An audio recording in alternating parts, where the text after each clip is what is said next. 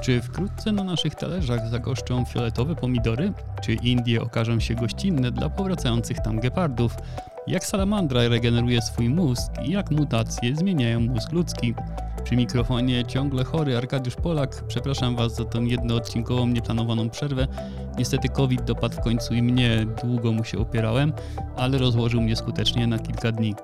Jak tylko odzyskam siły, nagram kilka odcinków zapasowych, aby przerwa w emisji podcastu już się nie zdarzała, a dziś wybaczcie mi jeszcze niedyspozycję.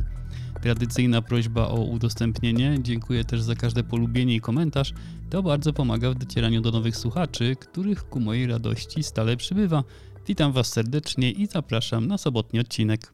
Salamandra meksykańska to niezwykłe zwierzę, słodkowodny płas bardzo ceniony jako obiekt badań, ale występujący także w akwariach jako zwierzę hodowlane. Jest to gatunek drapieżny, posiadający szczątkowe zęby i polujący w nocy, lokalizując swą zdobycz głównie za pomocą węchu. W swojej naturalnej formie nie przekształca się do postaci lądowej, co czyni ją gatunkiem neotenicznym poprzez brak wytwarzanego w tarczycy hormonu nie jest w stanie przeobrazić się ze swojej larwiej formy, nazwanej aksolotlem, pomimo to zachowuje zdolność do rozmnażania. Polska uczona z Uniwersytetu Jagiellońskiego postanowiła dokończyć ten biologiczny proces, karmiąc larwy mięsem z wyciągiem z tarczycy dorosłej salamandry.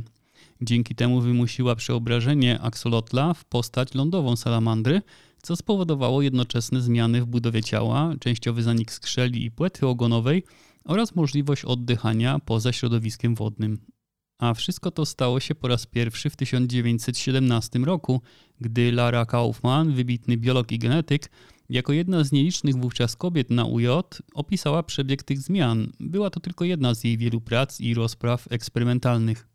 Fascynująca postać i wkład w genetykę i zoologię jest ogromny, a swoją wielką wiedzę teoretyczną potrafiła stosować z wielkim pożytkiem w praktyce zootechnicznej, przyczyniając się m.in. do odbudowy polskiego drobiarstwa po II wojnie światowej. Fascynujące są również salamandry, nad którymi pracowała, a to ze względu na ich właściwości regeneracyjne utraconych części ciała. Potrafią rekonstruować nie tylko kończyny, ale także narządy wewnętrzne, serce, skrzela, a nawet mózg. W 1964 roku zaobserwowano, że nawet po usunięciu dużej części mózgu zwierzę jest w stanie z czasem go odbudować, ale zagadką było jak bardzo odbudowany mózg przypomina oryginał i czy zachowuje wszystkie jego funkcje. Badanie naukowców ze Szwajcarii i Austrii rzuca światło zarówno na sposób regeneracji, jak i ewolucję mózgu nie tylko u płazów. Zespół postanowił przyjrzeć się kresomózgowiu aksolotla. Jest to część mózgu, która pełni podstawową rolę w umiejętnościach poznawczych i zachowaniu zwierząt. Wykorzystując metodę sekwencjonowania RNA pojedynczych komórek, przez 12 tygodni obserwowano regenerację mózgu aksolotla, która przebiegała w trzech fazach. Na początku następuje szybki wzrost komórek macierzystych, które mogą się szybko dzielić i przekształcać w inne typy komórek, równocześnie aktywując proces gojenia się ran. Następnie przekształcają się one w neuroblasty, czyli komórki macierzyste dla neuronów oraz komórek glejowych, aby w trzecim etapie różnicować się w te same typy neuronów, które zostały pierwotnie utracone.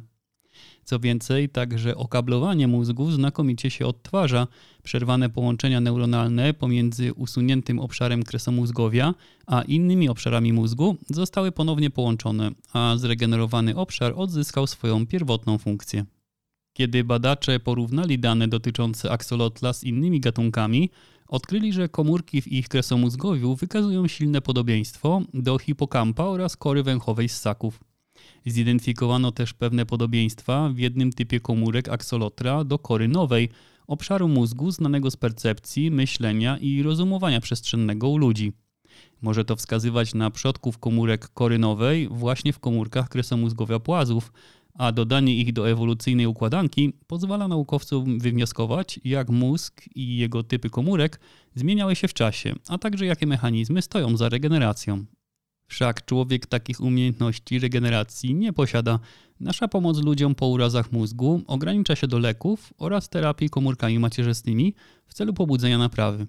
Badanie genów i typów komórek, które pozwalają aksolotlom osiągać doskonałą regenerację, może być kluczem do poprawy leczenia poważnych urazów i odblokowania potencjału regeneracyjnego u ludzi.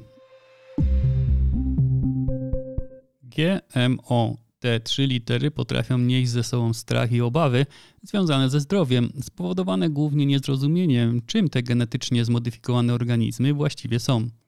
Najprościej rzecz ujmując, to takie organizmy, których genom został zmodyfikowany przy użyciu biotechnologii w taki sposób, aby nadać mu nowe lub zmodyfikować istniejące już cechy. Dzięki odkryciu genów i poznaniu ich funkcji możemy je kopiować, modyfikować i przenosić między różnymi organizmami. Przykładem mogą tu być rośliny, które dzięki genetycznej modyfikacji zwiększają swoją odporność na suszę lub choroby niszczące uprawy. Ale nie tylko. Świetnym przykładem szeroko stosowanego GMO jest produkcja insuliny. Dzięki postępowi w nauce udało się wyizolować ludzki gen tego niezbędnego nam hormonu, który reguluje cukier w naszych organizmach. Następnie ów gen wprowadzono do bakterii, tworząc w ten sposób właśnie genetycznie zmodyfikowany organizm, który teraz produkuje insulinę. Po oczyszczeniu i przygotowaniu z niej zastrzyku umożliwia ona wielu ludziom normalne życie. Nie byłoby to możliwe do osiągnięcia w inny sposób. Nie jesteśmy w stanie wytworzyć insuliny chemicznie, czy pobrać ją od zwierząt, aby podawać ludziom. Więcej informacji o GMO przeczytacie w artykule Ewy Bieli, do którego link umieszczam w opisie odcinka. Polecam, bo w prosty i zrozumiały sposób przedstawia, czym GMO jest. W 1994 roku w USA została dopuszczona do sprzedaży pierwsza roślina stworzona za pomocą inżynierii genetycznej pomidor, bardziej odporny na gnicie. 7 września tego roku Służba Kontroli Zdrowia Zwierząt i Roślin Departamentu Rolnictwa Stanów Zjednoczonych uznała za bezpieczną i możliwą do uprawy nową roślinę fioletowe pomidory. Od wiosny 2023 roku możliwe będzie kupno nasion i ich uprawa, ale dlaczego w ogóle zostały stworzone i czym się różnią od czerwonych pomidorów? 14 lat temu Międzynarodowy Zespół Naukowców opracował fioletową odmianę poprzez wprowadzenie genów z wyżlinów, roślin ozdobnych z rodziny babkowatych. W Polsce możecie znać je na przykład jako lwią paszczę. Zrobiono to, aby uzyskać fioletowe pomidory bogate w antocyjany, czyli naturalne barwniki zapewniające kolor innymi czarnym porzeczkom, borówkom i czerwonej kapuście oraz nadający im lekko kwaśnego posmaku. I to właśnie dwa geny wyzwalające produkcję antocyjanów zostały włączone do owoców pomidora, tworząc nową fioletową odmianę.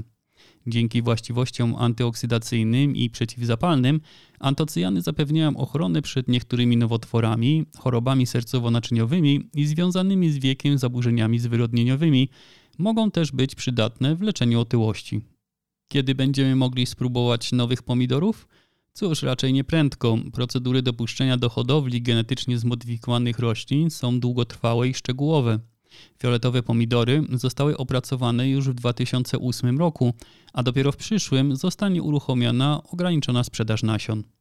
Dopuszczenie ich do hodowli ma miejsce tylko w Stanach Zjednoczonych. Jeśli chodzi o nasze podwórko, to produkt taki musi uzyskać autoryzację na poziomie unijnym, a mimo to poszczególne kraje mogą nie zgodzić się na hodowlę na ich terytoriach co oczywiście nie przeszkadza tym krajom na masowy import genetycznie zmodyfikowanych organizmów w formie paszy dla zwierząt, dzięki którym ich hodowla jest w ogóle możliwa. Nie można zatem liczyć, że fioletowy pomidor pojawi się szybko na naszych talerzach, jeśli w ogóle do tego dojdzie. Zadecydują o tym niestety politycy, nie oglądając się na badania naukowe. Zrobią to, co zapewni im poparcie przy urnach ludzi, którzy nie rozumiejąc, czym GMO jest i bojąc się tej technologii, sprzeciwiają się jej szerszemu stosowaniu. Ludzki mózg jest niesamowicie skomplikowanym organem, odpowiadającym za kontrolę i nadzór nad resztą organizmu, bazując na informacjach, które pochłania z otaczającego nas świata, przechowując je i odpowiednio przetwarzając. Pozwala nam on na rzeczy unikatowe w świecie zwierząt, takie jak posługiwanie się skomplikowaną mową lub planowanie naszej indywidualnej przyszłości. A jedną z rzucających się w oczy od razu cech ludzkiego mózgu jest jego wielkość. Nasi najbliżsi krewni, szympansy, mają mózgi czterokrotnie mniejsze, a ich płat czołowy ma znacznie mniej neuronów niż ludzki odpowiednik. Mózgi zaczęły zwiększać swoje rozmiary około 2 milionów lat temu, osiągając obecny rozmiar około 600 tysięcy lat temu. Neandertalczycy, których historia zaczęła się około 400 tysięcy lat temu, mieli już mózgi tak duże jak my obecnie, ale nieco innego kształtu, bardziej wydłużone. Dzięki kawałkom DNA zachowanym w skamielinach można było zrekonstruować genomy neandertalczyków, a także ich wschodnich kuzynów, Denisowian, i ocenić, jakie są różnice pomiędzy ich genomami a genomem współczesnego człowieka. Ludzkie DNA zawiera około 20 tysięcy genów, a białka przez nie kodowane są w większości identyczne jak u neandertalczyków i denisowian.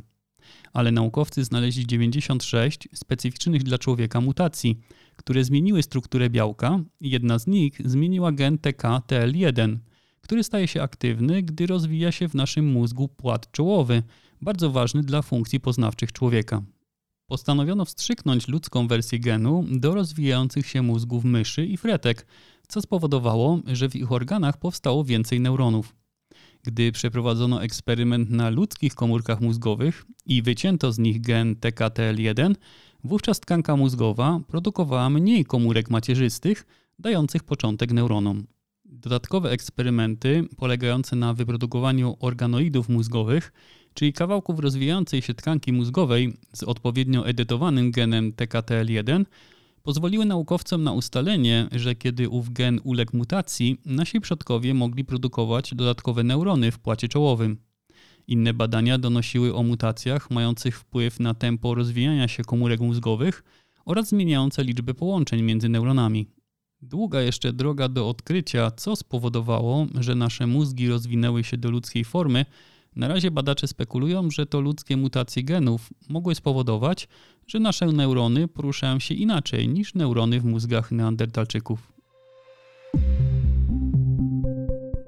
Jednym z działań, jakie ludzie podejmują w celu ochrony przyrody, jest przywracanie jej naturalnego charakteru poprzez reintrodukcję gatunków – czyli odbudowanie populacji w miejscu, w którym dany gatunek żył swobodnie w przeszłości, zanim został wytępiony. Nie jest to proces ani łatwy, ani szybki. Zwierzęta, które mają służyć jako początek nowej populacji, muszą być przede wszystkim zdrowe i prawidłowo wybrane, podobnie jak miejsca, w których się je wypuszcza na wolność, aby dalej radziły sobie same. W Polsce przykładem takiego procesu jest reintrodukcja sokołów wędrownych – ptaków niegdyś bardzo rozpowszechnionych, które padły ofiarą współczesnego rolnictwa i pestycydów. Dziś w wielu miejscach w Polsce budowane są dla nich gniazda, a dzięki zamontowanym kamerom możemy obserwować sokoły bezpośrednio w ich nowych domach. Link do listy takich kamer znajdziecie w opisie odcinka. W wielu krajach Europy przeprowadza się reintrodukcję rysia, który służy jako kontroler populacji innych gatunków, na które poluje. Od lat 70. ubiegłego wieku przywraca się jego populację m.in. we Francji, Czechach czy Chorwacji. Szacuje się, że dzięki temu Eurazji zamieszkuje już około 10 tysięcy takich kotów. Trwają dyskusje nad wprowadzeniem go do Szkocji, gdzie mógłby kontrolować największą w Europie populację saren, których jest na tyle dużo, aby wyżywić około 400 rysi. W 2020 roku na drugim końcu świata przeprowadzono reintrodukcję diabła tasmańskiego. Na powrót do Australii gatunek ten musiał czekać aż 3000 lat, po tym jak wymarł na kontynencie wyparty przez psy dingo. Mięsożerne torbacze uchowały się na Tasmanii, ale i tam nie zaznały spokoju, zaatakowane przez zakaźną formę raka, która zabiła około 90% populacji diabłów. 11 przedstawicieli gatunku zostało wypuszczonych w rezerwacie dzikich zwierząt z nadzieją, że staną się one w przyszłości remedium na populację zdziczałych kotów i lisów, a dzięki temu, że są padlinożercami, pomogą również ograniczać choroby. 17 września w Indiach zaczął się nowy etap dla gepardów, które zostały uznane w tym kraju za całkowicie wymarłe w 1948 roku, prawdopodobnie na skutek masowych polowań oraz pustynnieniu obszarów, które mogło odebrać zwierzęciu jego naturalne siedliska. Od wielu dziesięcioleci indyjski rząd stara się przywrócić ten dziki gatunek na swoje tereny i teraz dzięki afrykańskim kotom z Nambii stało się to możliwe, a cały proces pokazuje, jak jest to trudne. Pięć samic i trzy samce, wcześniej uważnie wybrane, musiały przejść miesięczną kwarantannę zarówno przed wylotem z Afryki, jak i po dotarciu do Indii. Przytomne koty, wcześniej dobrze nakarmione, kontrolowane były podczas lotu przez trzech weterynarzy.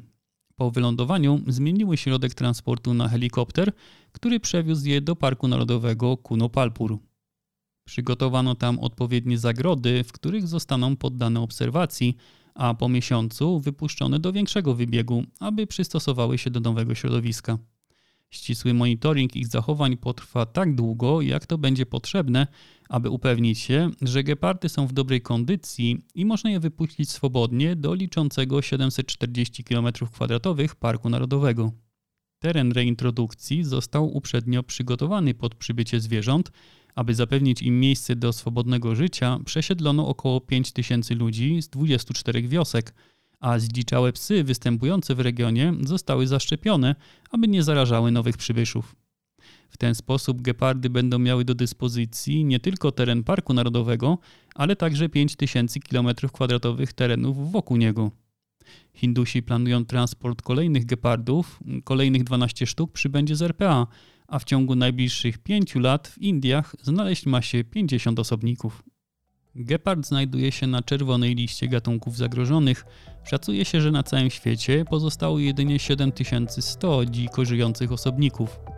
Nie wiadomo, czy reintrodukcja tego najszybszego na świecie lądowego zwierzaka się powiedzie, ale zaangażowanie wielu ludzi i świetny dobór miejsca pozwala patrzeć z nadzieją na przywrócenie gatunku w Indiach.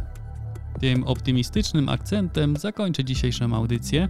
Zapraszam Was jeszcze na stronę naukowo.net i podcastowe social media oraz serwer Discord. Wszystkie linki znajdziecie w opisie odcinka.